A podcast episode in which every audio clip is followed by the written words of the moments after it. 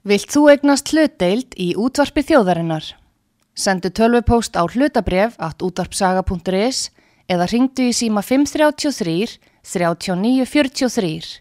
Útvarpsaga stendur vörð um tjáningafrelsið. Síðdeis útvarpið á útvarpi sögu. Þáttastjórnandi Magnús Þór Hafsteinsson.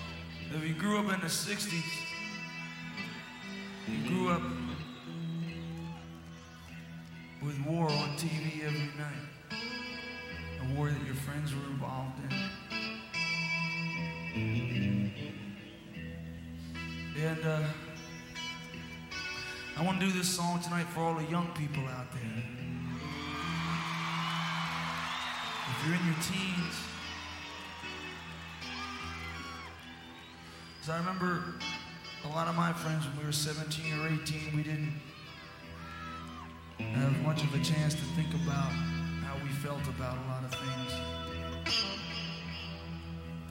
And uh, the next time, they're going to be looking at you. And you're going to need a lot of information to know what you're going to want to do. Because in 1985, blind faith in your leaders or in anything will get you killed.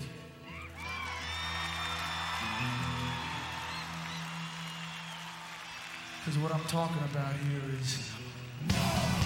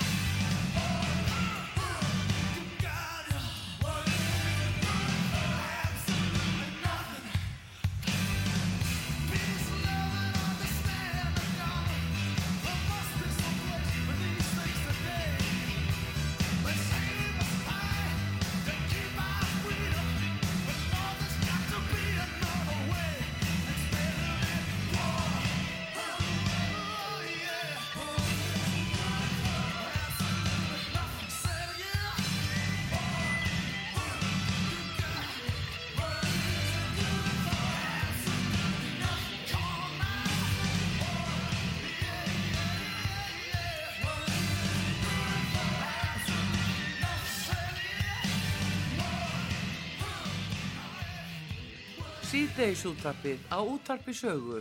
Þáttastjórnandi Magnús Þór Hafsteinsson.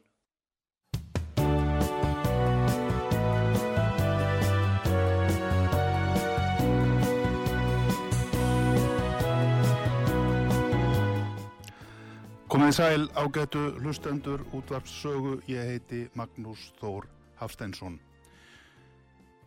Við ætlum í sýteðis útvarpin í dag að ræða þá atbyrði sem urðu í gerkvöldi og í nótt. Graf alvarlegir atbyrð, atbyrðir og uh, ég ætla bara að segja að þarna hafi orðið kaplaskil í sögu Evrópu. Það hefur brotist út stríð. Ég kalla það ekkert annað en stríð þegar Rúsland gerir það sem ég segja sé ekkert annað en innrás í Úkrænu. Og uh, það er þannig líka málinn reynlega fyrir núna. Alveg sama hvað menn segja, hvernig Pútín reynir að uh, dreifa málun og dreif með því að segja eitthvað annað, að þetta séu friðarsautir, að uh, þá er ekkert marktakandi á slíku. Hér er einfallega um innrás og stríð að ræða. Það er ráðist inn í ríki fullvalda þjóðar með hervaldi og uh, þar með er styrjöldin hafin. Um, þetta á sjálfsagt eftir að hafa mjög viðtakar afleiðingar. Tala nú ekki um ef þetta vindur upp á sig. Uh, það hefur ekki enn að við best vitum komið til vopnaðiðskiptað milli ukrainska hersins og og þess rúsneska en sjálfsagt er það bara spurningum tíma úr þessu hvernig þeim lístur saman með einum eða öðrum hætti þó verið sem menn séu svona eitthvað að reyna átt að séu ástandinu og kannski reyna einhvern veginn að tegja tíman, ég vonum það að það finnist einhver löst, við skulum vona það verði. En en uh, hvað um það? Um, ég ætla að fá hingað til mín í dag uh, Val Gunnarsson sagfræðing og rítöfund, hann hefur búið mörg ár í Úkræn og þessum slóðum þekkir mjög vel til. Og um, skrifaði í fyrra bók sem kom út sem heitir Bjarmalönd sem fjallar um þessi svæði og sögu þeirra. Ekki síst Úkrænu þar sem Valur hefur verið langdvölum. Uh, ég mæli með því að allir náu sér í þá bók og lesana, hún er mjög áhugaverð. Valur hefur hins vegar mjög mikið að gera í dag það er sjálfst í mörg horna líta, hann er orðin eftirsóttur til viðtala hjá fjölmjölum hinga á þangað einmitt um þessi svæði þannig að hann tefst aðeins þannig að á meðan við býðum eftir honum þá skulum við hlusta hér á annað lag. Áður en ég kynni það inn að þá var fyrsta lagi sem við spiluðum þá var vor í flutningi Bruce Springsteen á tónleikum sem er mjög stert lag gegn stríði. Og uh, við skulum heyra annað lag sem er ekki síður stert sem er með Elvis Costello og heitir Shipbuilding lag sem hann samtið þegar Falklandsæja stríðið var að brjótast út 1982 auðvitað rétt. Og uh, þar sem hann er að syngja um það þegar verið er að undirbúa skipin til brottvarar frá Breitlandsæjum til að heia stríð hinum einn á nettinum á Falklandsæjum heyrum það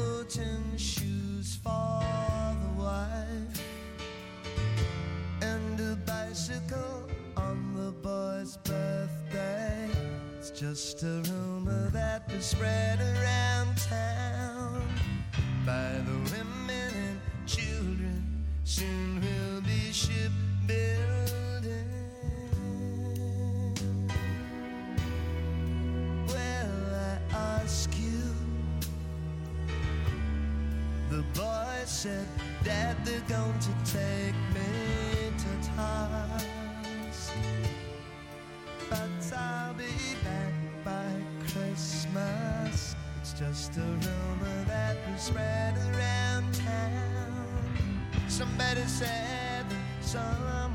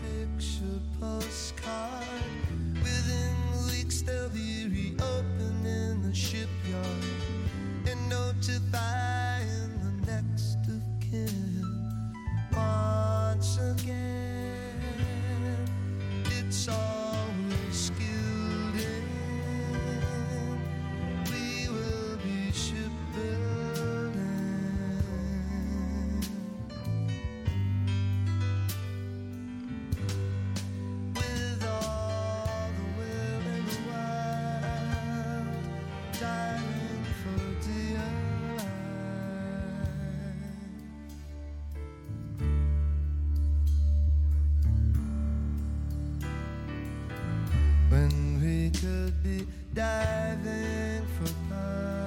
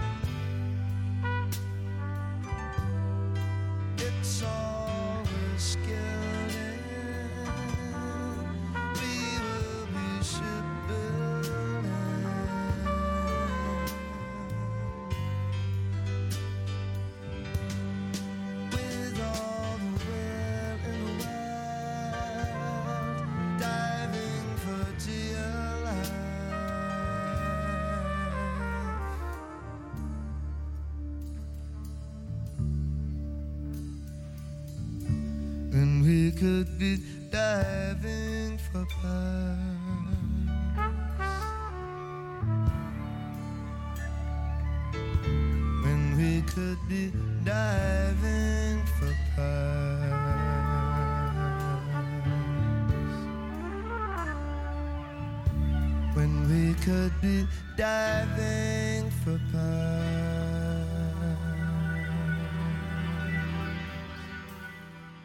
Komið sælættur, Magnús Þór Hafstinsson heiti ég. Við vorum að hlusta hér á lægið Shipbuilding með breska tónlistamanninum Elvis Costello.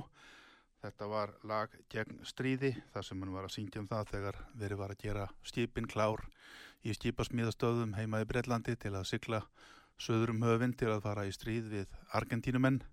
Sá sem spilaði þarna svo undurfallega á trompet var engin annar en Chet Baker heitinn, sá þekkti jazz tónlistar maður. Við erum enn að býða eftir Vali Gunnarsinni, eh, sakfræðingi og eh, reytöfundi og hér er hann að ganga í hús. Kemur hér inn í stúdíó, inn í hljóðverð til okkar. Það er blessu blíðan. Það er blessuð blíðan. Góða færðin. Já, já, ég láttu mig þetta. Vertu velkomin Valur. Takk. Þú hefur þurft að ösla hér krabban og bleituna til að komast til okkar. Jú, jú, ég líka svolítið arka á milli viðtala í dag af einhverjum ástæðum. Nú er það? Já, það- Ertu orðin eftirsáttur eh, álitstjafi? já, ég er alltaf vorið til þess að þessu ástundi fara að ljúka en það heldur, heldur áfram. Nei, já, það gerir það heldur betur. Þú varst hjá mér hérna síðast fyrir uh, hálfu mánuði, rétt tæpum hálfu mánuði síðan Já, og uh, þá sagður að þú hefði nú ekki trú á því að það breytist út stríð. Mei, en uh, ég var nú að segja það áðan hér að ég teldi að nú væri stríðið hafið. Því að, já, ég skilði það þannig. Hvað segir þú? já, ég hef verið að segja allan að þessi trónmálaði við erum með ombriði. Um, veist, það má líka þetta fara því að stríðið hafi faktisk staðið yfir í átta, jú, jú, vissulega, vissulega, átta ár sko. Og hérna og sem úkreifmenn segja að þetta sé bara staðfest að það sem fyrir var vitað að rússar varu aðilar að málum sem þeir hafa gætnan hafnað sjálfur sko. Mm en uh, nú er talsverð hætta á að, að það stigmagnist. Já, og uh, sko eftir sem áður er frekar ósennilegt að rússar teri eitthvað svona allserjar innrás og eitthvað landvinningastrýð gegn Ukrænu það bara myndi verða svo dýrt og flókið og, erfitt að sjá að þeir hérna ja, að þau myndi ganga vel sko fyrir utan bara fyrstu nokkur dagana.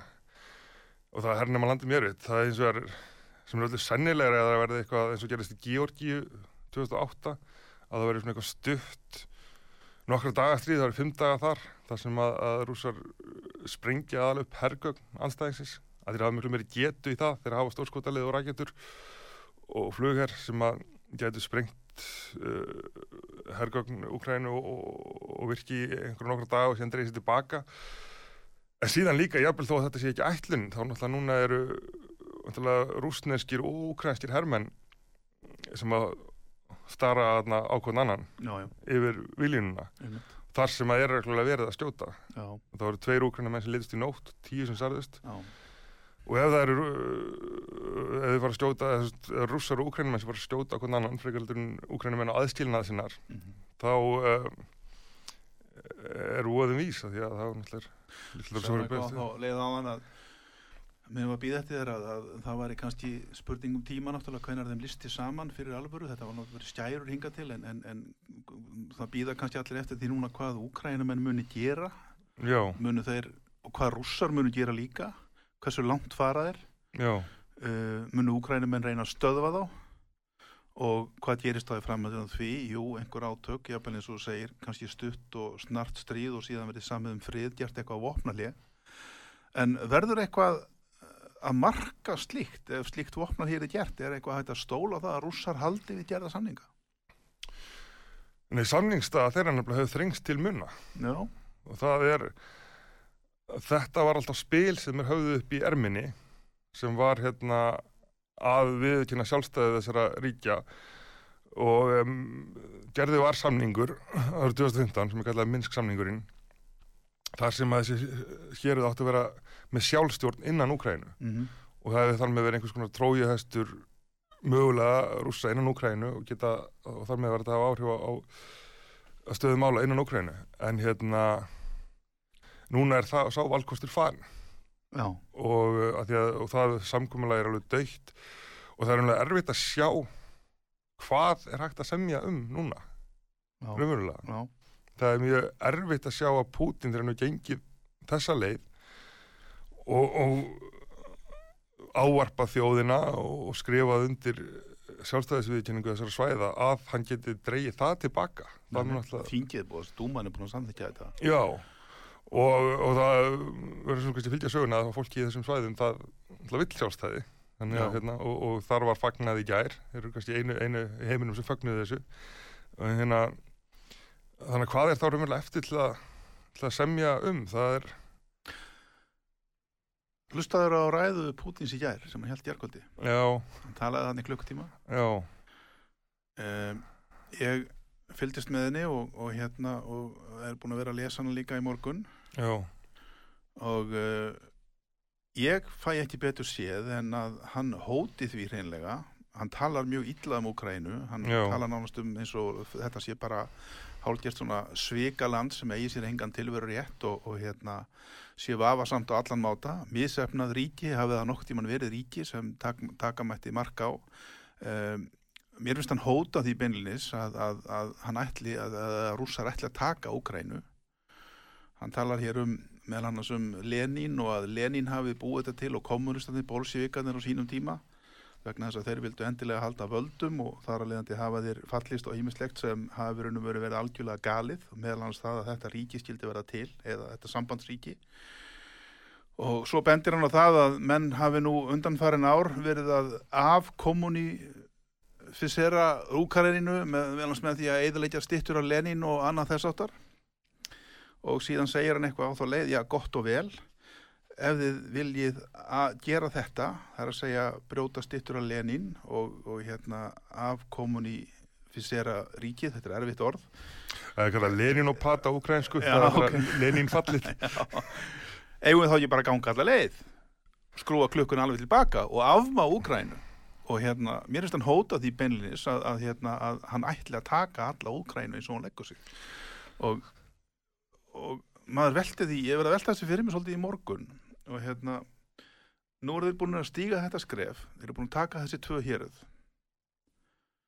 Ef það verður engin friður um það, það er að segja að það brýst út stríð er þá ekki bara alveg gott fyrir rússa að ganga alla leið og taka alla Úkrænu og hérna og bara hreinlega leggja hann undir sig og, og hérna og í afleðingarnar rússar hafa líka sagt það að sko viðskiptabann, ég meina hvað með það, við vitum alveg hvað, fel, það, hvað, hvað það felur í sér. Við höfum lifað við það hér í nokkur ár það hefur ekki haft neina áhrif þannig að síða okkur. Og, og ef það verður herta þá vitum við alveg hverja það er aðgerið ver, verða og þau tala eins og þeim sé bara alveg sama. Já, þau tala mjög digubarkalega um þetta tvent hérna, jú, jú, það hefur verið bent á að sko, af þessari lungu ræðu þá uh, talaði Putin til dæra lítið um Donbass sveðin, það var Já. bara til lokin, það var mest Já. að tala um Úkrænu sem slíka. Já, já. Uh, ég held hins vegar að þetta endurspegli ekki þjóðavilja rúsa. Ég er ekki eins og vissum að þetta endurspegli vilja allra innan ríkistjónunar. Þetta, þetta mögulega endurspeglar uh, vantarlega hérna, skoðanir Pútins sjálfs sem að, að og það er undir áhuga að sjá hvort að í almenningur eða jafnvel bara stjórnin sé, sé reyðubúin í, í þessa vegferð og hvað þá annars sé hægt að, að gera. En, en, en sko, en, en gefum okkur það, já, að þeir, þeir taki bara þessi tvö héruð og, og láti þar við sitja, en það verði samt engin friður um það og það verði gert eins og bandaríkjumenn hafa sagt að, já, ef þið gerið árás á Úkrænu þá munum við dæla í það bæði peningum og opnum. Já, og ef þeir gera það og það halda áfram að verða eilífa skærur að, að hérna er ekki betra fyrir og veru rússa bara að klára þetta dæmi núna? Á, og gefa anstæðingunum einmitt ekki færa því að byggja upp neitt frekara viðnám í Úkrænu heldur en orðið er leggja bara landið undir sig Þetta er vissulega, vissulega ein sviðsmynd og sem að sko jafnvel þó að það sé ekki plan núna, það getur vissulega þróast í þá átt. Uh, hérna, en uh, ef við myndum að okkur að rúsa myndi hernema alla Úkrænu, fyrir þannig að verða algjörlega lokaðir af frá öllum mörkuðum, þá er, myndi alltaf verða ansbyrna, myndi alltaf verða uppreist. Þau myndi alltaf náða friðþægja landið, þetta myndi Þetta er kannski svolítið svona eins og í Afganistan.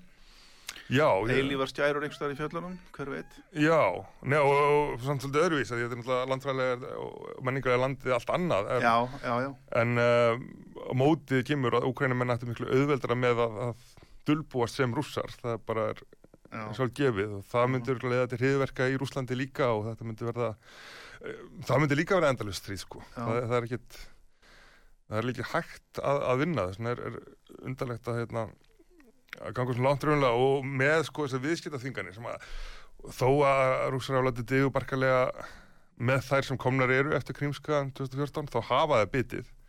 Þar hafa hérna það hafa kostað rússa mögulegum 5% af efnahagnum, það er búin að vera algjör efnahagsli stöðnu núna í 8 ár og þetta er ekki þess að bæta það.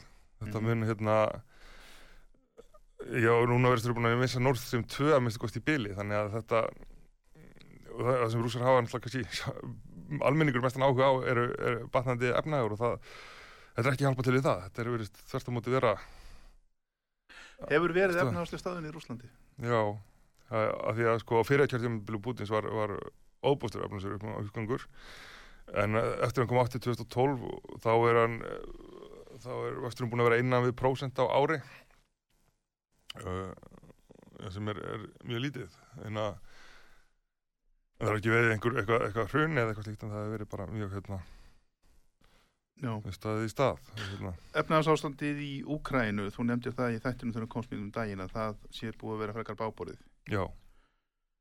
Það er eins og búið að vera öll verra sko. Öllu verra, já. Og mikið af Úkrænumönnum og Pútín bentinu á þetta í ræðu sinni í gær líka. Það sem hann var að tala um að þetta væri náttúrulega misefnað ríki bent á það að uh, já, hann sagði það að árið 2019 hefðu næstum 6 miljónir í Úkrænubúa það er að segja 15% af, af, af vinnuaflinu farið úr landi. Já, það er búin að vera Nei, að 15% af, af, hérna, hérna, íbúafjöldanum farið úr landi til að finna vinnu. Já, þau, þeim uh, við hérna sjálfstæði 1991, þá voru um 50 miljonir, núna Já. komnir niður já, niður í 50 45 það er eitthvað um 2 miljónir sem að vinna í Pólandi Já, sem er svolítið svona uh, kannski írónist frá okkar bæjadirum séð að þegar ungarnir fara til Pólans til að fá vinnu. Og pólverðin fara að hingað? Já, þeir leita vestur þannig að það er alveg, alveg rétt. Og þetta hefur, mál allt hefur komið um illa líka af því að þeir eru svo háðir lánunum frá vestrinu sem þeir fá síður ef að það er ófremdur ástand þeir fá ekki erlenda fjárfestingur og nú eru flugfélagin farin að leggja niður flug þannig að þetta er hálfgjört umsæðandus ástand hvort þið er sko. En akkur hefur gengið svona illa í Ukrænu? Nú hafa þeir ekki verið undir einu viðsýtabanni eða viðsýtaþingunum. Uh, ég var að skoða tölur, þetta er, þetta er mjög ríkt landa náttúröðlindum, hann að drýpur smjöra hverju strái.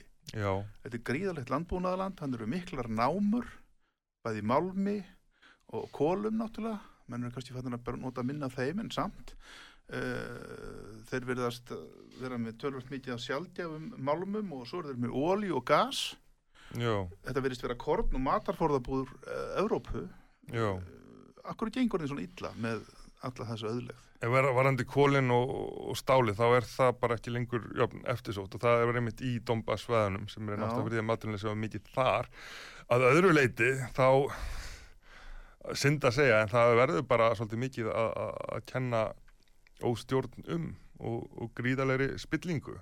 Og Mhm. hérna uh, sem að var jú víða eftir fall Sovjetríkjana uh, en uh, þú veist, ef við spólum aðeins tilbaka þá kom Putin eitthvað leiti böndum yfir það í Rúslandi sem að útstýrir vinsaldir hans að byrja með.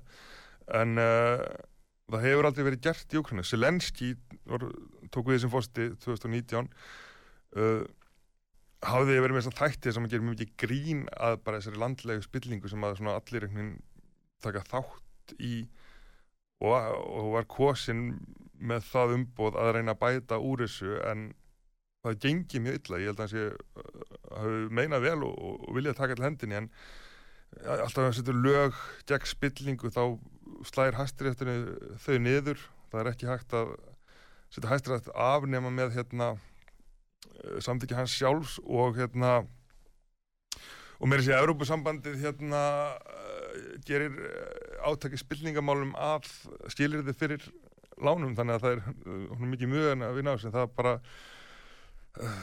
það er erfitt með spillingu. Þegar hún er að býta sér fasta þá er hún bara orðin partur af þjóðfélaginu og, og það er mjög erfitt til þess að ná ráða niðurlögum hennar. Þetta Þetta lamar allt, við bara sjáum bara um, ríki í Norður-Európu þar sem að spilningir áttur allt svo lítil, þar, það gengur allt betra, betur sko. Er það kannski rétt sem Putin er að segja, þetta sé misefna ríki?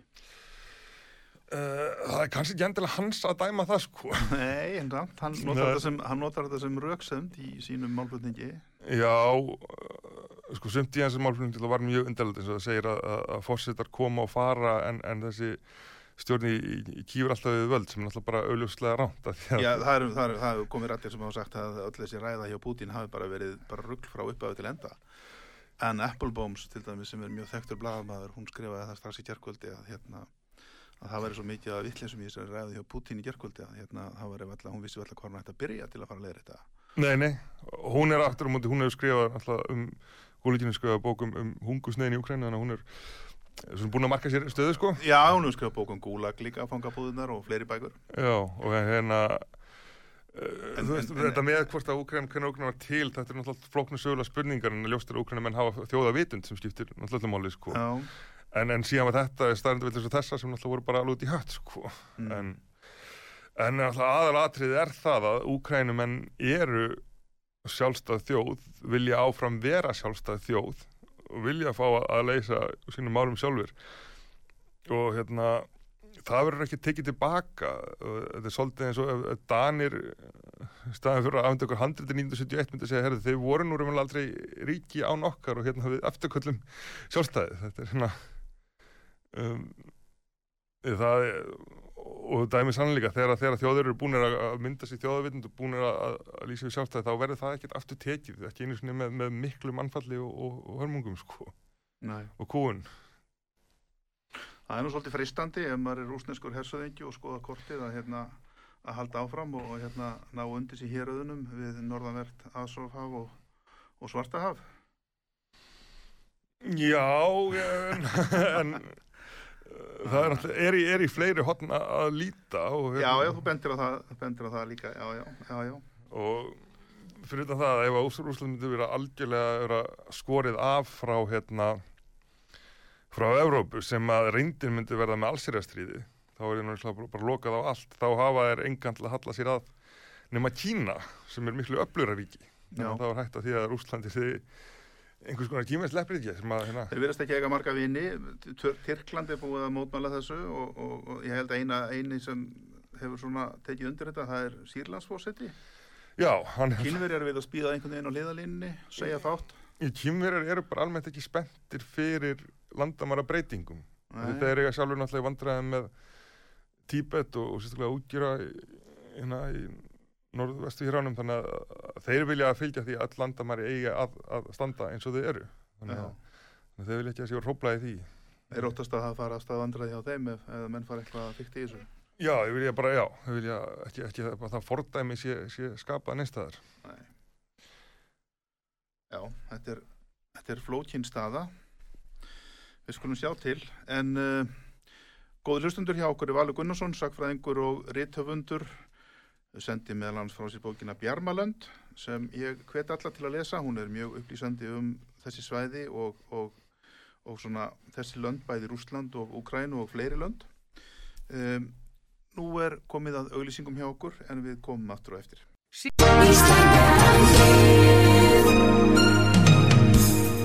Styrtareikningur útvarpsögu í Íslandsbanka á Granda. Útubú 513, höfubók 26, reikningur 2.11.11. Nánari upplýsingar á útvarpsaga.is. Takk fyrir stöðningin. Ídeisútvarpið á útvarpi sögu. Þáttastjórnandi Magnús Þór Hafsteinsson.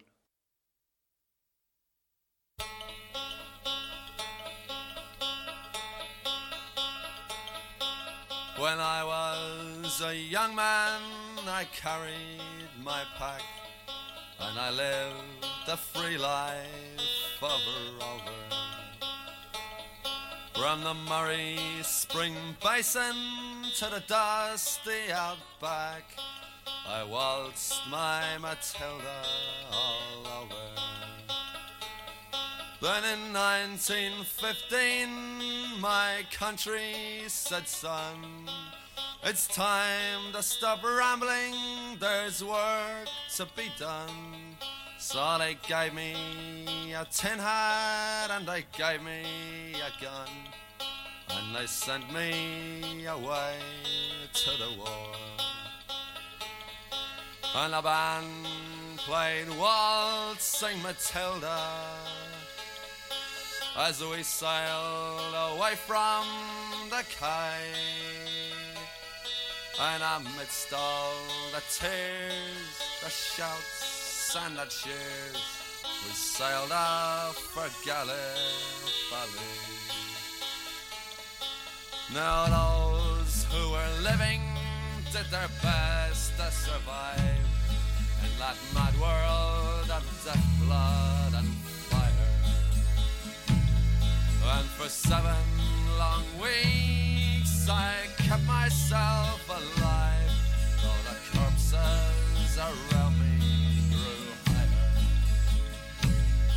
Then a big Turkish shell knocked me arse over tits.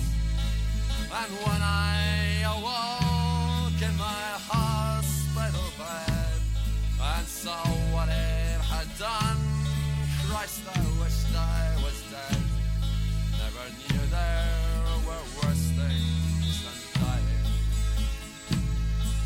no more go waltzing Matilda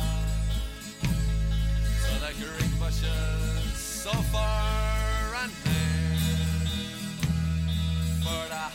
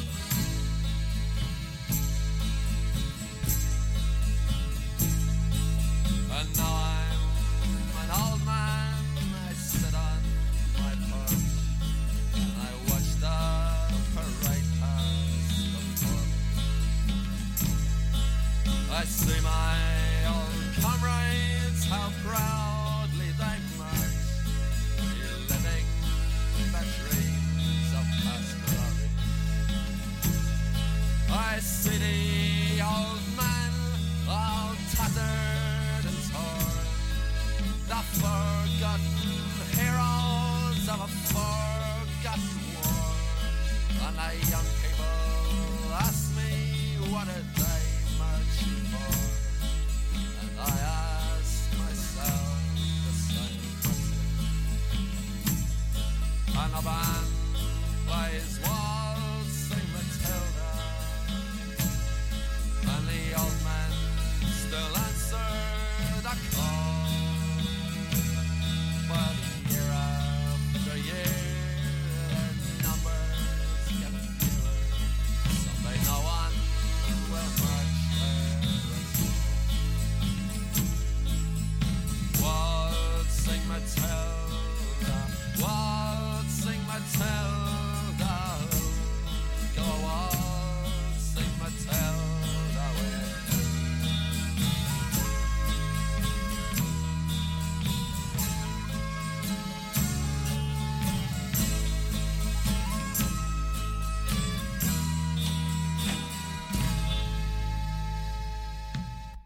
Síðdeis útvarpið á útvarpi sögu.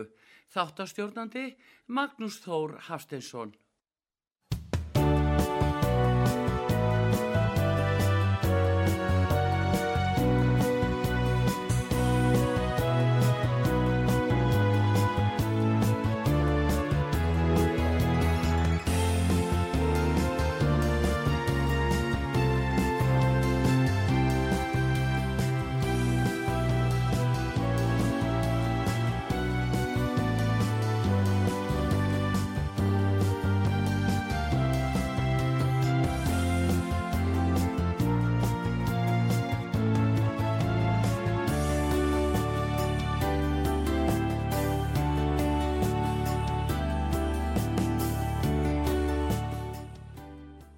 Komiði sælættur, Magnús Þór Hafsteinsson heiti ég, hjá okkur er Valur Gunnarsson, sakfræðingur og rittöfundur.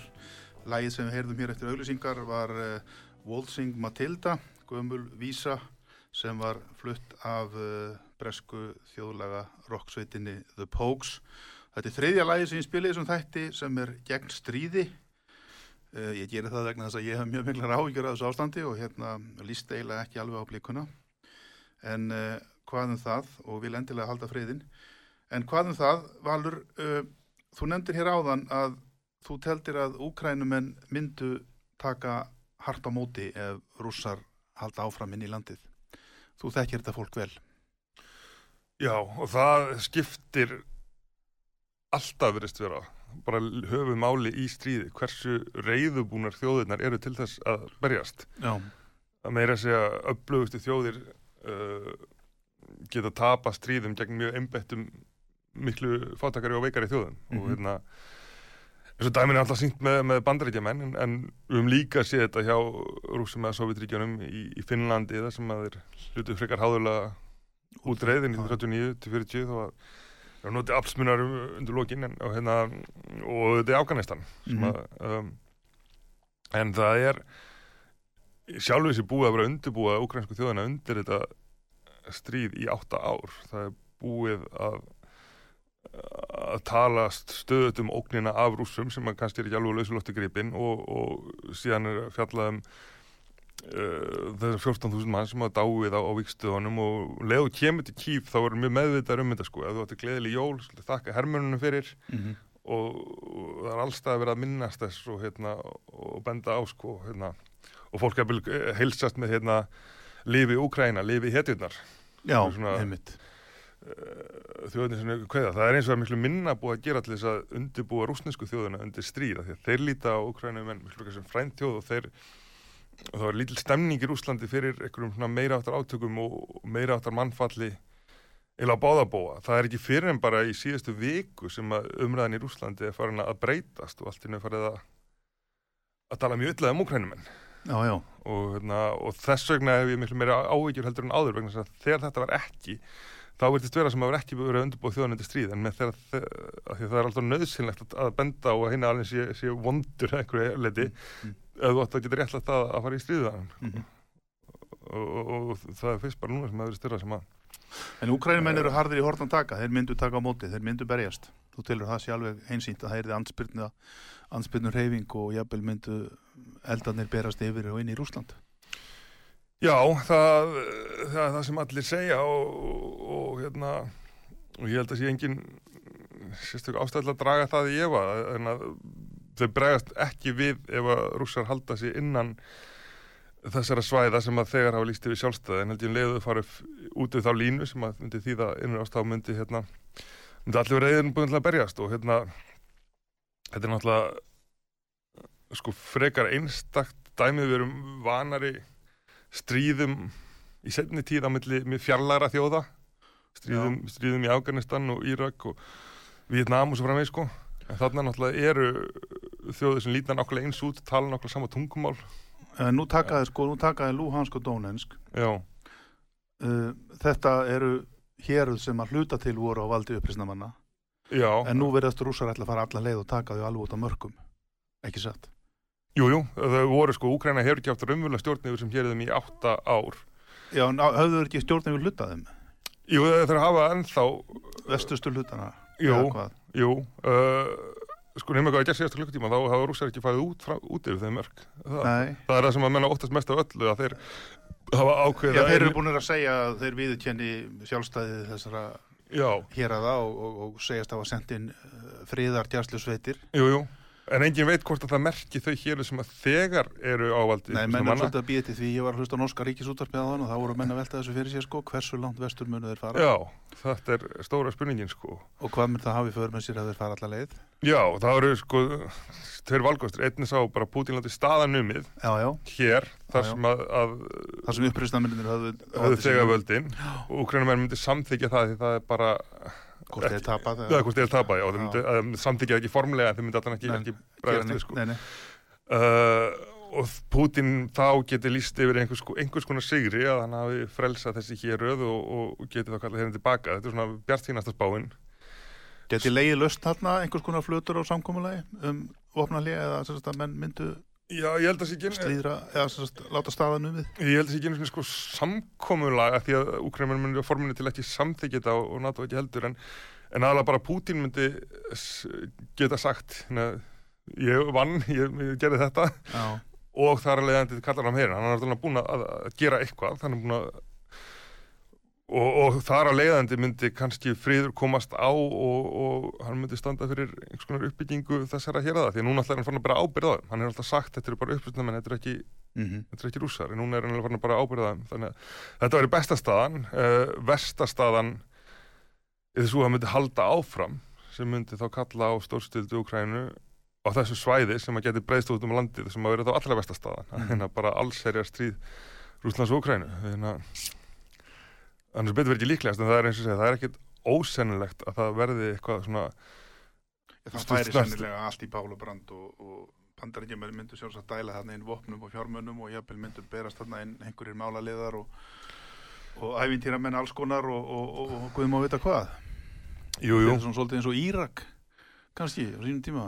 jú, jú, við, séð og, Guð forða okkur frá því. Já, og í Sýrland við séð náttúrulega svona hluti standa árum saman og svo sem í, í Balkanska líka fyrir Já, umhverfið, hérna, sem er kannski þetta nær, en hérna það er kannski hættan er svo að, ef að Putin verður fyrir miklu vistaþvingunum núna að hann lítur svo á að, að hann hafi einhver að tapa að því að þannig að það er líka skynsæli til Hann talaði svolítið þannig í gær, sko, að, Já. þú veist, þetta skiptir engum máli og meina, við vitum alveg að við fáum þessar viðsýtaþingarnir, við höfum búið við þar og meina, okkur er bara nákvæmlega sama, komið bara við þorrið. Já, en ég talaði, þetta var tónnin í honum. Þetta var tótin í honum, en ég held samt að sko það er hægt að skrúa sér viðstíð þingarnir svo miklu meira upp Já. það verður gert að einhverju leiti núna en það verður ekki gengið alla leið sko en, en það er líka gott að hafa gott Hvernig finnst þér veðböðan vera á Vesturlöndum? Biden skrifaði undan einhverja papíra í nótt sem virtu skorti vera fugglinni fiskur og Evropasambandið ætlar að tilkynna, ég veit ekki hvort þeir eru búinir að því ennþá en ætlar að tilkynna eitthvað í dag. Já, Eh, Þetta er allt svona mann einhvern veginn, mann finnst þetta frekar máttlust. Ertu sammála því? ég, Eða seint í rassinn gripið? eh, ég held að sé að mörgulegt ágænt að ganga ekki of langt vegna þess að verður að vera eitthvað eftir No. Putin verður að hafa eitthvað að tapa á því að ganga lengra Mm það kannski kemur á óvart að þjóðverjar hafi strax tekið Nord Stream af allan í billi Tvö gasleislega miklu um Já. eistrasalt. sem eru gríðarlega viktahagsmunir fyrir bæði rússa og þjóðverja Já. og þeir hafa verið treyir við að hóta því að gera þetta Mm en gera þetta samt um leið og þetta gerist uh -huh. sem er kannski svolítið klúðuslegt vegna þess að þú vilt hafa hótaninnar skýrar einmitt til þess að þurfa síðan ekki að, að láta að koma uh, fórsættu Úkrænu, hann kallaði nú eftir því að það er því strax dreigið upp fyrirfram hvað yrði gert ef rússar gengju á langt, þannig að rússar vissu að hverju þeir- hverju þau gengu. Já, og ég held að Hann gerði þetta það í Munhjön. Munhjön. Já, ég, já, hann er bara fara að kalla þetta fyrirbyggjandi aðgerðum sem það ekki verið gott en, en, en það er eins og alveg rétt að, að sko menn eru búin að vera að keppast um að hóta Pútín viðskiptaþöngunum þetta er svolítið svona eins og Facebook þráð sem fyrir böndunum einhver segir eitthvað og allir keini keppast um að vera ósamála Mm.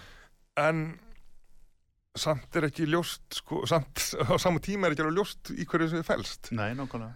Þannig að ég held sko að besta lausnin á þessu því það er alveg ljóst að Úkraina er ekki að fara gangi NATO. Það er engin vilji til þess að Vesturlundum að ábyrgjast varnir Úkrainu og, rússar munu ekki samþykja slíkt. Þannig að, Það, engin, það er engin tilbúin til að deyja fyrir Úkrænu heldur. Nei, en það, það er fyrsta sem að bandaríkjumun og breytar allir gera er að kalla sendirastafið tilbaka, hernaðar að og allt, til þess að lenda ekki í þeim Þeir ætla ekki að senda herlið. Nei, bara lendi ekki í það möguleika einhverju þeirra manna, þeirra manna, þeirra manna mun deyja allir sem mun Mm. leiða til frekar yngripa. Það er, veist, þetta er alveg ljóst en á sama tíma vilja Vestlund stýðja Úkrænu þannig að það hefur bara að vera Úkræna ætti að fara numurlega undir sko einhvers konar efnahagsleg varnabandalega NATO en ekki hernaðalegt. Það er að segja að þetta er bara að gefa út fyrirfram nákvæmlega þetta mun gerast ef að rússar ráðast inn og hérna og þá ætti það bara að vera automatist þá þarf ekki að ræða þetta dögum saman Þessar viðskipta þvinganir, þar munu sjálfsagt að einhverju leiti hafa áhrif hér á Íslandi. já Þeir eru náttúrulega búin að loka okkur varandi fisk og landbúnaðarafurður en það hafa verið Íslands tækni fyrirtæki sem hafa verið að selja tæknibúnað til dæmis í fiskvinnslu til Rúslands. já, munum sjálfsagt ekki geta selt en einustu skrúfu hér eftir. Ef þetta gengur eftir eða hvað. nei, ég var alltaf að vonast til þess að það væri hægt uh, sko að það yrði hægt að aflita þessum jú. og, og að því að mér fannst markmiðið með þeim aldrei vera mjög skýrt Nei, nei. það, það, hvort markmið, sko, það, þurfti alltaf að semja frið í Donbass með einhverjum móti. Það er, það er ljóst á að rússar eru aldrei að fara að yfirgefa krimska bara og, og núna líklega ekki Donbass heldur. En, en fyrir svo er komið þá uh, já, þá er ekki, ekki líkur af því að þeir verði aflétt í bráð og hérna. Það verður örugglega hert á þeim, það er bara spurning hvernig. Og hérna, já maður velti því fyrir sér hvort að þetta muni ekki einmitt leiða til þess að uh, orkuverð muni hækka.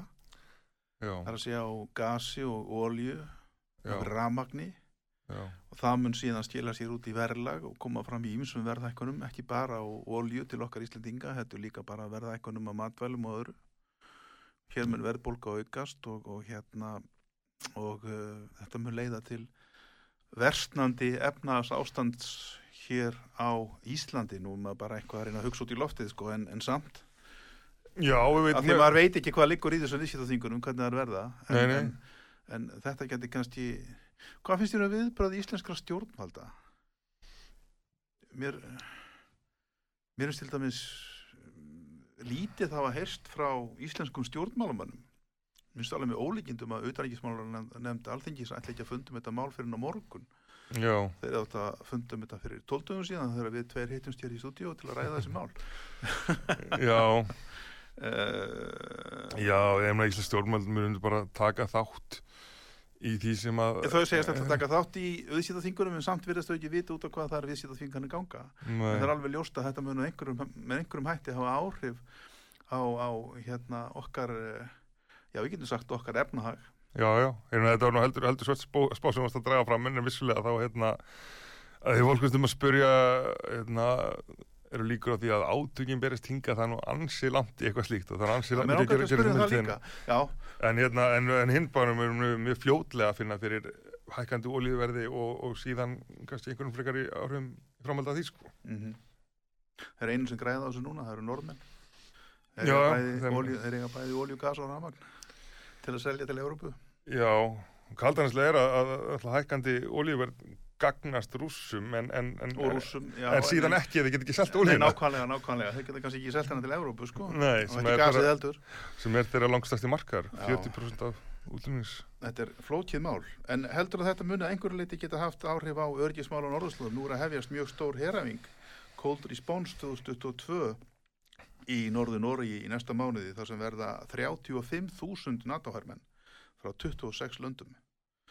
Uh, Jónas Gahr Störi, fórsættisráður að Nordmanna, hann var einmitt að tala um þetta áðan, heyrði ég, og hann taldi nú að þetta myndi ekki vera til þess að auka spennu á norðurslóðum en sömulegist talaði hann líka um það að hann teldi ólíklegt að þetta ástand í Ukrænu myndi hafa áhrif á öryggis og varnamál á norðurslóðum en hefur þú eitthvað myndað að skoða þessu? Já, þetta er náttúrulega, það er, það er mjög langt í því að, að það brjóðist út átök á norðurslóðum. Það er ekki, þetta snýst núna um Úkrænu og snýst kannski fyrst og fremst um austurluta Úkrænu og er ólíklegt að ná eitthvað þar fyrir utan en, en ég held að sjálfur ljóst að þetta mun leiða til aukins výbúnaðakaplups eins og það er þegar farið að gera. Bandaríkin er að senda heri til Evrópu og, og, og, og rúsa það á móti og hérna og það hefur verið svona, samþygt um það frá endurlögum kaldastriðsins að hafa ekki mikið viðbúna á norðurslóðum, hafa þetta hlutlisveið en það hefur nú verið að auka viðbúna þar og það mun næstu örgla aukast og, og allstaðar og hérna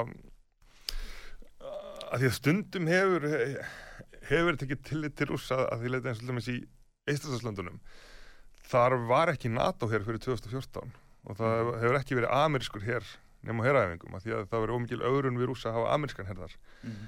og hérna það var bara til 2014 að þjóðirar frakkaraldi fór, að- að hafa málamynda hér þó að, þó að þessi lönd séu þetta varin af, af NATO og af 50 greininu og af varnabandaleginu NATO Mhm.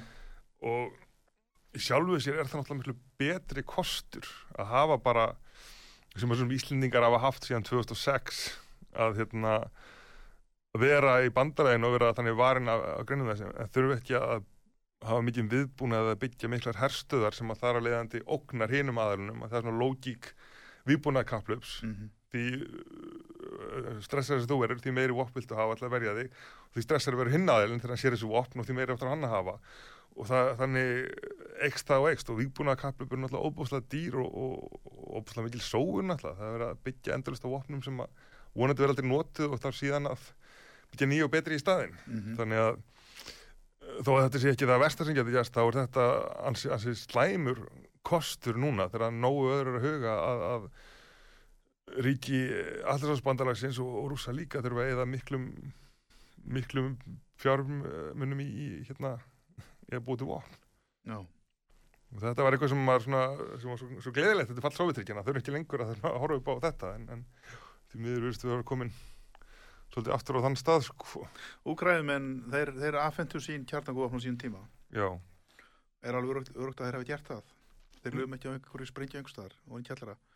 Nei, líklega ekki. Það er erfitt líka við halda kjarnungussprengjum sem Já. eina ástæðan fyrir því að Úkrænumenn samþýtt að losi við þar því að það bara verið kostnæðsamt að halda þeim við sko og, hérna, og, og þetta var gert ekki sísta undirlega bandaríkjamanna Mhm. uh, sem að vildu ekki að hérna að það yrðu fleiri kjarnokkuríki og, og kannski enn síður að einhverju kjarnokkursprengjur færa flakk. Þannig að þeir stóðu fyrir því og, og rússar náttúrulega voru til að, að taka við þeim líka. Þannig að hérna, þannig að þarna saminuðist menn rússar og bandaríkjumenn um það að flytja alla kjarnokkursprengjur til til hérna Rússlands frá, frá Kvítarús og, og Kazakstan og Úkrænu og hérna og sku, rússar skuldbundir sér til þess að móti að virða landamæri Vissulega. sem þeir hafa ekki, ekki gert og, og, og þá má segja að ef Úkræna hefði kjarnugusspringju þá er náttúrulega ósennilegt að rússar hefði gripið til þess að,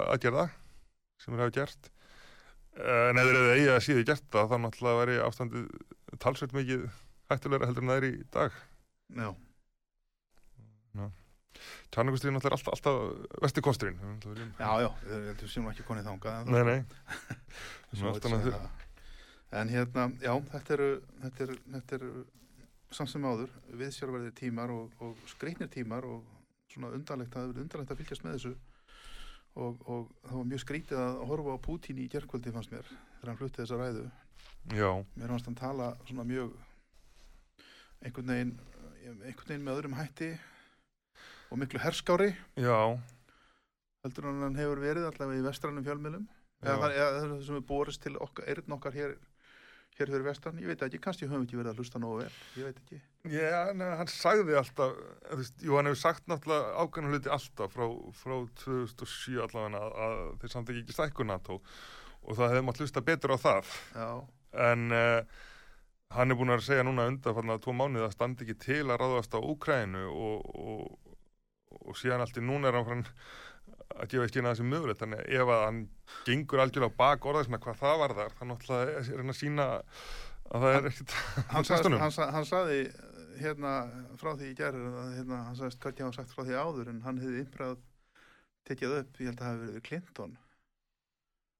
Að hérna, hvernig mönnum leitist á það ef rússar myndu sætja um aðelda NATO. Það hefði nú ekkert fallið í sérstaklega frjóðan jarðveg Það er náttúrulega, þetta var tækja manna talskildist mér.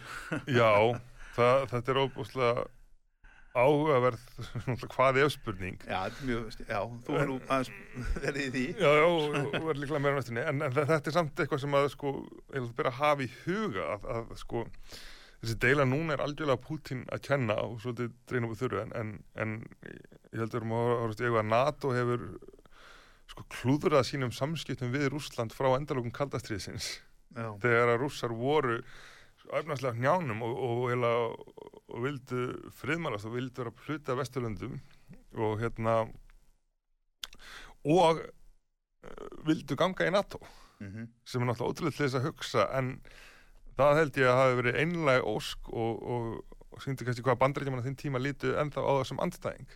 Já, og hún har bara sagt að vera aftast í röðina en náttúrulega ef að, að Rússland hefði gengið í NATO einhvern tímann í kringum 2000 þá náttúrulega var að horfa á, á alveg gerbreyta heimsmynd í dag þar sem að hérna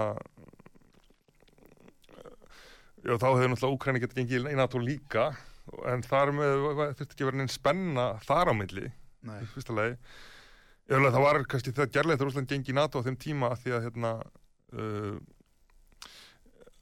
já því að bara samskiptin voru með þeim hætti en líka vegna þess að Kína var ekki orðið það stert og þetta er náttúrulega undarlega að veltaði fyrir sér. Ef Úsland hefði gengið í NATO þá er núna NATO með landamæri að Kína. Já, og þá varum við alltaf að heyra um spennu þeim landamærum sko. Já. Og við búin að kaplu þar mögulega sko. En, mhm, en á sama tíma væri hérna staða kýmverða miklu þrengri með hérna NATO vilja sitt hvort megin vissi, annars vegar Úsland og hins vegar Bandaríkin. Og maður er svona að hugsa til þess í dag af því að í dag er verið að minnast þess að það eru 50 ár síðan að Nixon fótt í Kína. Mhm, hvað hann var að mörg liti klókur að hérna takast að friðmælast við kínverja og, svona stefna þeim gegn Sovjetrikjunum líka og þar með voru Sovjetrikjunum orðinu umkringd á alla bóa og þeirra staða miklu verri en, en bandarækjumunum núna tekst ekki að gera þetta. Þeir móti eru að spenna upp bæði rússa og kínverja á móti sér sem að þar að leiðandi neðast að hanga saman sem þeir hafa sjálfnast gert í sögunni Er það hlut til það sem vakir fyrir Pútín og rússum, náttúrulega sem er alltaf í svona skærum og hernað, þú reynir að tvístra anstæðingnum, sína fram á veikleika hans og sundrungu? Nei, ég held nefnilega sko að að það er langt klókast að hjá Pútín hefði verið að geta svona vegið salta millir Vesturlanda og, og Kína því hann er, hann er í lang veikustu stöðinni þarna, hann er með lang mista ernaðin Já. en uh, með þessu aðgerðum Pútins uh, þá náttúrulega er hann að neða sér til þess að treysta á Kína sem að held ég að verði mjög ótristur bandamaður fyrir rússa en Getur eitthvað spáð fyrir um það, svona því við erum að falla á tíma um það hvað, hvað framhaldið verði? Nei, eina sem hægt er að gera er að, er að teikna upp sviðsmyndir, það er Já, góða sviðsmyndin er svo að Pútín láti staða numið hér mm. og, og aðri sætti sig við orðin hlut og, og hér er verið kallaður heim og verri sviðsmyndin er svo að hérna, umsáturinn um Úkrænu ljúki. já, það er og það er einhverja líkur á því verri sviðsmyndin er svo að það brjóðist út stríð hvort sem það verður takmarkað eða mjög mikið sko, sem það mun standa það er engilega að segja, en það eru stríð eðli málsins samkvæmt ódreiknanleg og, og, og óskynselt að hefja slík alveg jafna Algjörlega. Valur Gunnarsson, rítumundur og sagfræðingur hefur verið gestur okkar hér í síðdeis útvarpinu. Ég heiti Magnús Þór Hafstinsson. Valur, takk fyrir komuna. Og uh, ágætu hlustendur, takk fyrir að hlusta og Jóhann Kristjánsson, tæknimaður, takk fyrir hjálpina. Ég kveða sinni, ég heiti Magnús Þór Hafstinsson, verð hér aftur á morgun. Verðið sæl.